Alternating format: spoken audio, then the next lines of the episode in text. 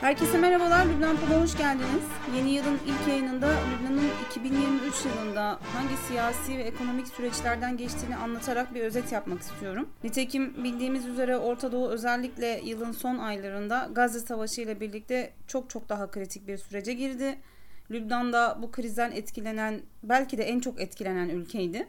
Ancak Gazze Savaşı'na değinmeden önce Lübnan'ı 2023 yılı boyunca meşgul eden diğer gündemlerden bahsetmek istiyorum ben. İlk olarak Lübnan'ın 2023 yılına Cumhurbaşkansız girdiğini, bir yıl boyunca yeni bir cumhurbaşkanı seçilemediğini, hali hazırda da aslında Lübnan'ın bir devlet başkanı olmadığını hatırlatmakta fayda var. Eylül 2022'de başlayan bir cumhurbaşkanı seçme oturum süreci vardı aslında ve 2023 yılının başlarına kadar da sıklaşmıştı bu oturumlar.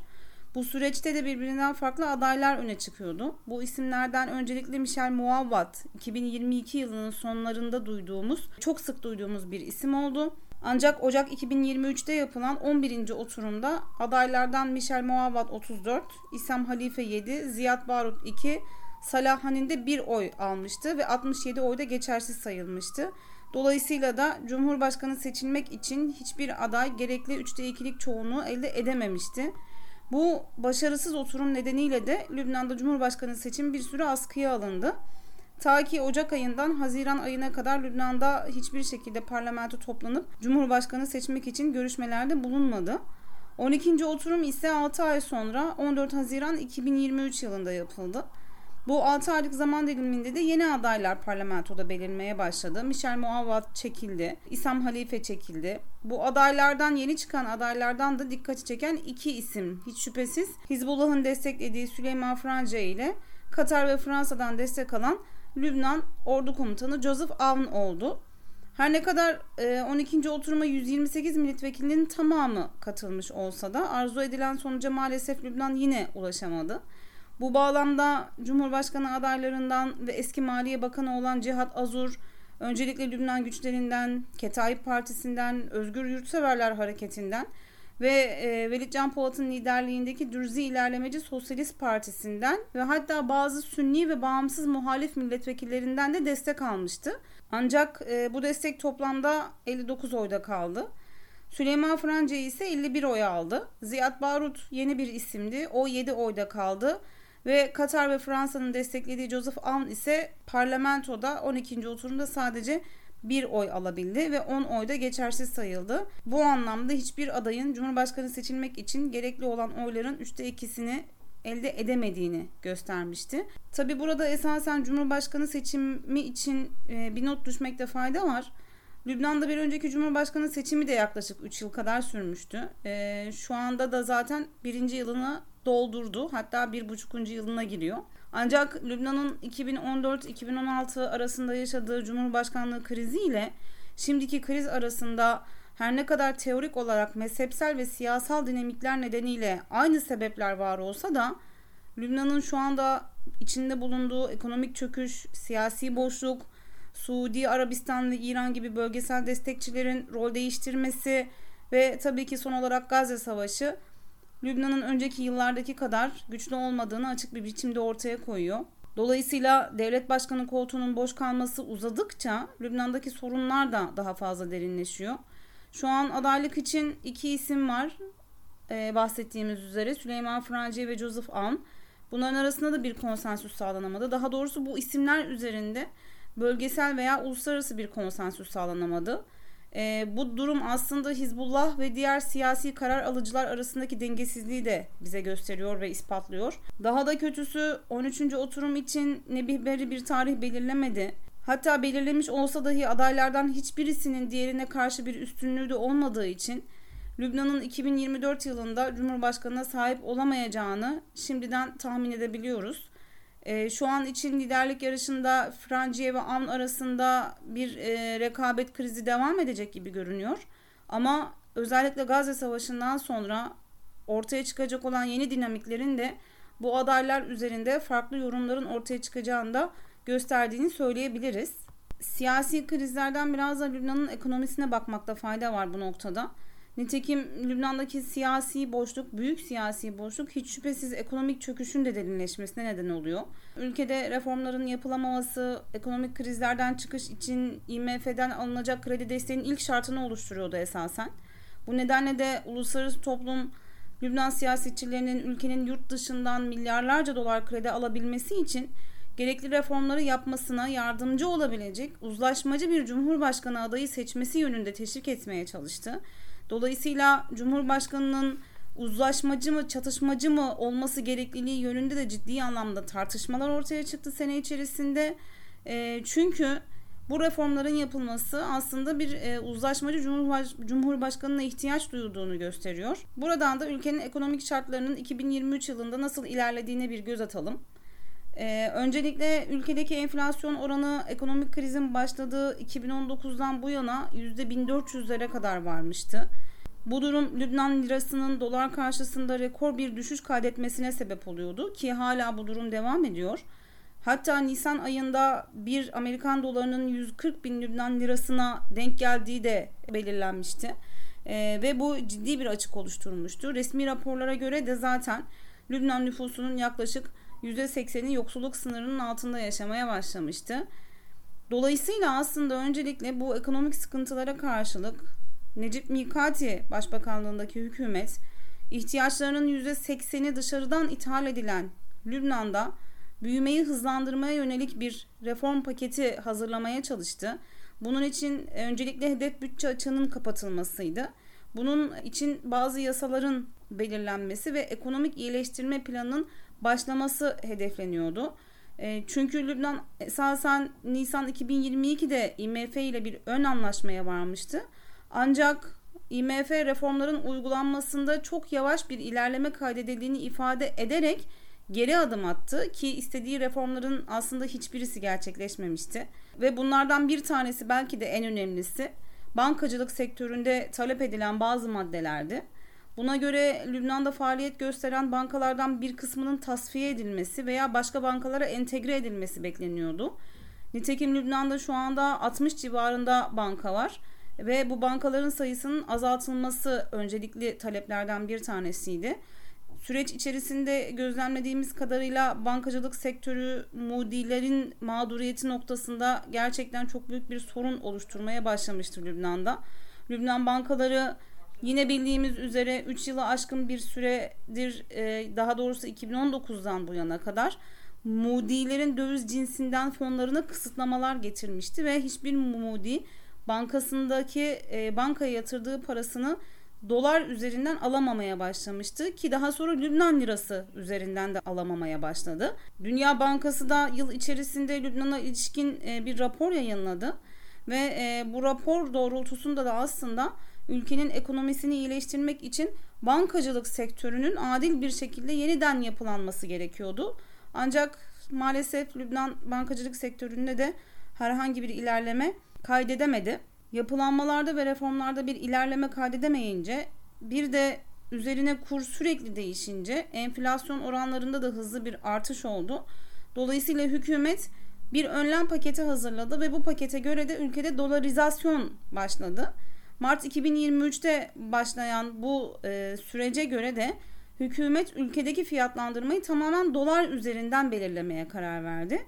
Ancak maaşların Lübnan lirası üzerinden verilmeye devam etmesi ve halkın bu politikaya olan tepkisini Lübnan hükümeti dolarla fiyatlandırmaya başvurarak Lübnanlıların para birimine olan güvenlerini kaybettiren bir hükümettir şeklinde göstermesi maalesef bu kararın da işe yaramadığını gösterdi. Buradaki çıkış noktası aslında bankacılık sektörünün değişmesi ve düzeltilmesiydi. Çünkü bu sektörde köklü değişimler yapılamadığı için fiyatların dolara sabitlenmesi de halka negatif olarak yansıdı. Bununla birlikte ben aslında şöyle bir detaya değinmek istiyorum. Ee, Lübnan aslında hareketli bir yaz sezonu geçirmişti. Ülkeye yaz döneminde ciddi bir turist akını oldu. Ve hatta bölgedeki gö- görece istikrar, Suudi Arabistan ve İran yakınlaşması bunlar dahi Lübnan'da olumlu bir havanın esmesine yol açmıştı. Hatta elektrik meselesinin de kısmen çözülmüş olması, sokakların yeniden aydınlanmaya başlaması benim de şahit olduğum pozitif gelişmelerdi. Ancak maalesef bu hareketlilik uzun vadeli olmadı. uzun vadeli olmadığı için de ülkedeki müzmin sorunlara da çözüm bulunamadı. E, Lübnan'ı 2023'te üzen başka bir gelişme daha oldu. Bu da doğal gaz arama meselesiydi. E, hepimizin bildiği üzere İsrail ile çekişmeli geçen bir deniz sınırı anlaşması süreci vardı. Süreç tamamlandı, anlaşma yapıldı ve iki taraf arasında sınırlar belirlendi. Lübnan da kendi tarafına düşen 9. blokta hemen keşfe başlamıştı. Ancak Gazze Savaşı başladığında Ekim ayında Lübnan karasularındaki doğal gaz arama çalışmaları kapsamında Güney Lübnan'daki 9. blokta doğal gaz bulunamadığı haberi verildi ve bu esasen ülkede büyük bir şok etkisi yarattı.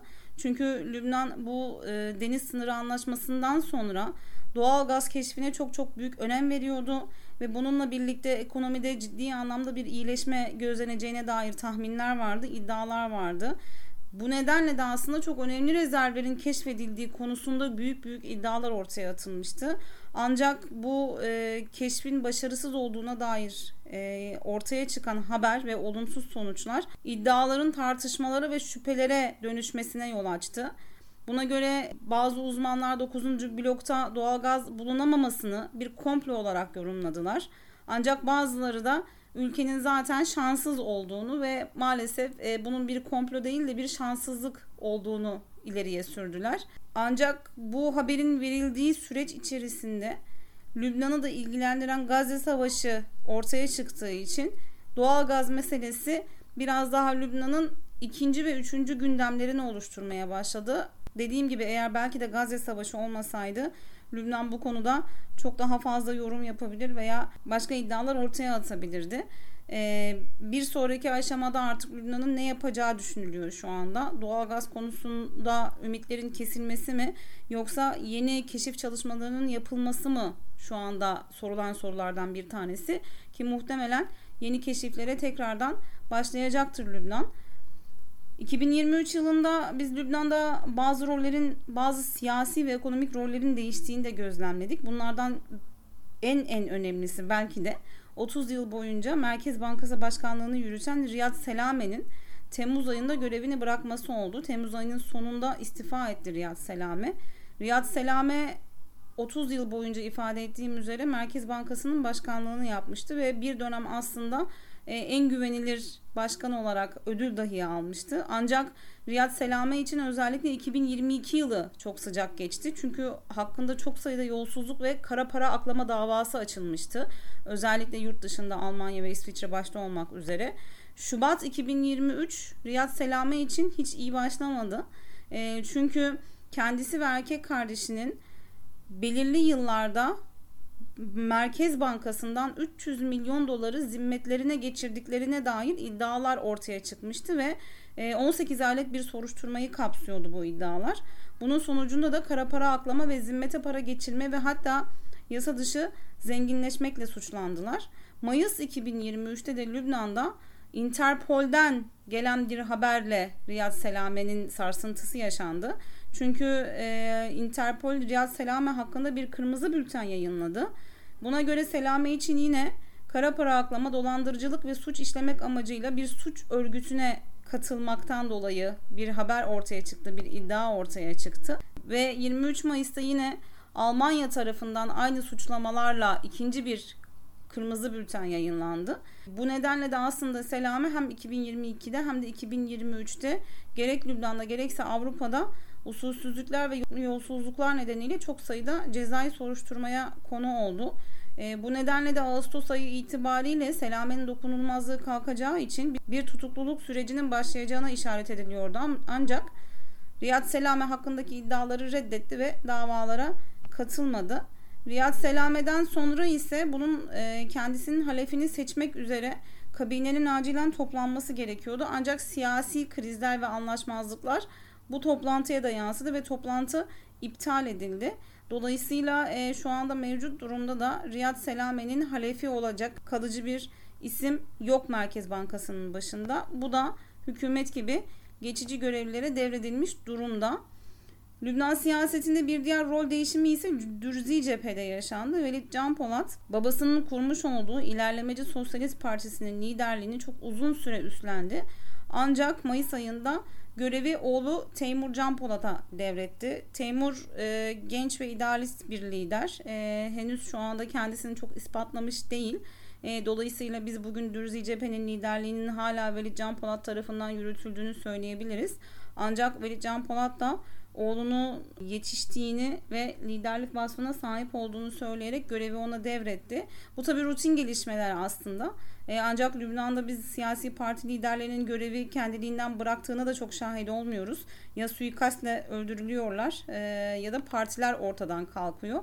Dolayısıyla Dürzi cephedeki bu değişiklik de e, Lübnan siyasetinde çok fazla gündeme gelmemiş olsa da Velid Can Polat'ın gölge bir lider olarak devam edeceğini söyleyebiliriz. Ve tabii ki Lübnan'daki sıcak gündemlerden bir tanesi Gazze Savaşı. Gazze Savaşı ile ilgili biz e, burada da çok fazla yayın da yaptık. E, Gazze Savaşı e, Lübnan'a çok ciddi anlamda yansıması olan bir savaş. Sadece İsrail-Filistin cephesinde değil, Lübnan cephesinde de malumunuz olduğu üzere Hizbullah merkezi devam eden bir savaş.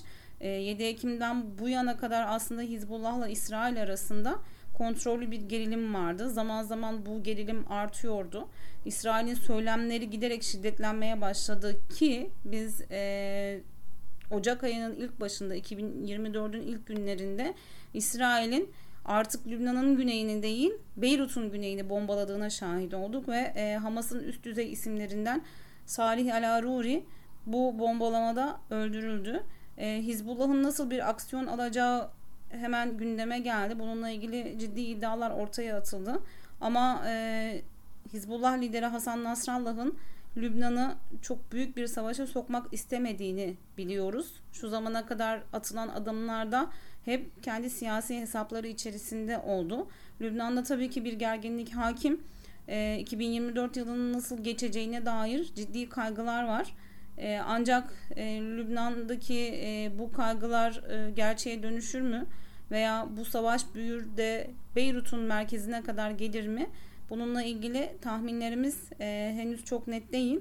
E, ancak son olarak şunu söyleyebiliriz. E, Lübnan'a savaş sıçramasa da merkezi savaş sıçramasa da ki benim tahminim zaten büyük oranda bu yönde. Gazze savaşı bitmediği müddetçe Lübnan'da da bir nefes alma veya bir rahatlama olmayacak hiçbir şey olmadı. Lübnan bir cumhurbaşkanı seçmediği müddetçe yine ekonomik krizlerin ve siyasi istikrarsızlıkların gölgesinde yaşamaya devam edecek. Umut edelim ki Lübnan için de ve genel olarak aslında Orta Doğu için de sakin ve huzurlu bir sene geçsin ve 2024'te biz Lübnan'la ilgili daha güzel haberler verelim. Lübnan Pol'un bu yayından şimdilik bu kadar. Lübnan'da 2023 yılının nasıl geçtiğine dair aslında kısa bir özet verdim. Önümüzdeki yayında görüşmek üzere. Hoşçakalın.